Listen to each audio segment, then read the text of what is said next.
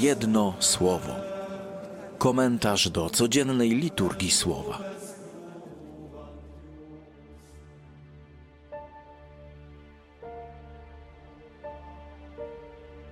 Słowa Ewangelii według świętego Mateusza. Jezus powiedział do tłumów: Z kim mam porównać to pokolenie? Podobne jest ono do przebywających na rynku dzieci, które przymawiają swym rówieśnikom: Przygrywaliśmy wam, a nie tańczyliście. Biadaliśmy, a wyście nie zawodzili. Przyszedł bowiem Jan, nie jadł ani nie pił, a oni mówią: Zły duch go opętał.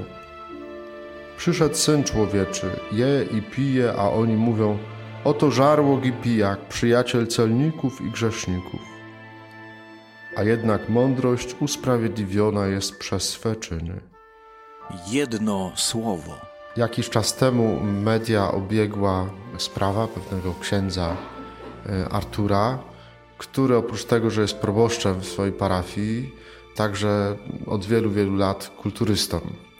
I pewnie nikt by się o, nigdy o księdzu Arturze nigdy nie dowiedział, gdyby nie to, że zajął e, czwarte miejsce na Mistrzostwach Polsk weteran, juniorów i weteranów. Absolutnie nie oceniam jego występu. Znając realia życia kapłańskiego, to podziwiam, że potrafi połączyć tą pasję do, do sportu. Nie wiem, chyba 25 lat ponad uprawia ten, ten sport. Więc to rzeczywiście trzeba być pasjonatą i żeby mieć jeszcze takie wyniki. E, ale że potrafi po, połączyć tą pasję do sportu ze, swoim, ze swoją pracą, posługą jako proboszcz. E, ja nie jestem proboszczem e, i mimo to jakoś wiem, ile wymaga wysiłku, żeby gdzieś tam włożyć czas na trening w te moje zajęcia, a co dopiero jak ktoś ma na głowie parafię i żeby i jednego i drugiego nie zaniedbać, a co dopiero, żeby mieć takie wyniki. To, to jest dla mnie jest niepojęte, jak, jak trzeba być zorganizowanym. Mam nadzieję, że e, ani jedna, ani druga sprawa w jego życiu nie szwankuje, tylko że obydwie rzeczywistości są ze sobą harmonijnie połączone. E, chociaż ten kapłan uprawia kulturystykę od, od wielu lat, od czasów zamierzchłych, chyba 16 lat miał jak zaczynał, i sam także jest trenerem kulturystyki, no bo z takim doświadczeniem to rzeczywiście ma jakąś wiedzę, to jednak e, do tych zawodów przygotowywał się pod okiem trenera, który z pewnością rozpisywał mu plan treningowy, obserwował jego postępy, korygował jego błędy. I ten sukces jest owocem jego ciężkiej pracy, ale także posłuszeństwa trenerowi tego, że on mimo takiej wiedzy, jaką miał, e, mimo tego doświadczenia wieloletniego, potrafił posłuchać drugiego człowieka, swojego trenera. Ta zasada posłuszeństwa, słuchania e, drugiej osoby, w cudzysłowie trenera, słuchania e, jego poleceń, nawet gdy czasem wydaje mi się, że wiem lepiej, że znam lepszą drogę do celu, obowiązuje również w życiu duchowym. W życiu duchowym znamy taką instytucję e, ojca duchownego czy kierownika duchowego, czyli kogoś, kto mnie prowadzi. To może być mój spowiednik, ale niekoniecznie.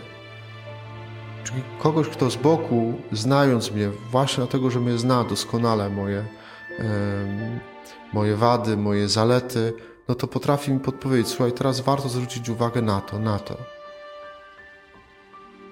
I podobnie jak kulturystyce czy w jakimkolwiek innym sporcie, jeśli oczekuje y, efektów, jeżeli oczekuje owoców tego życia duchowego, to tak naprawdę te owoce zaczynają się na pierwszym miejscu od posłuszeństwa temu mojemu trenerowi.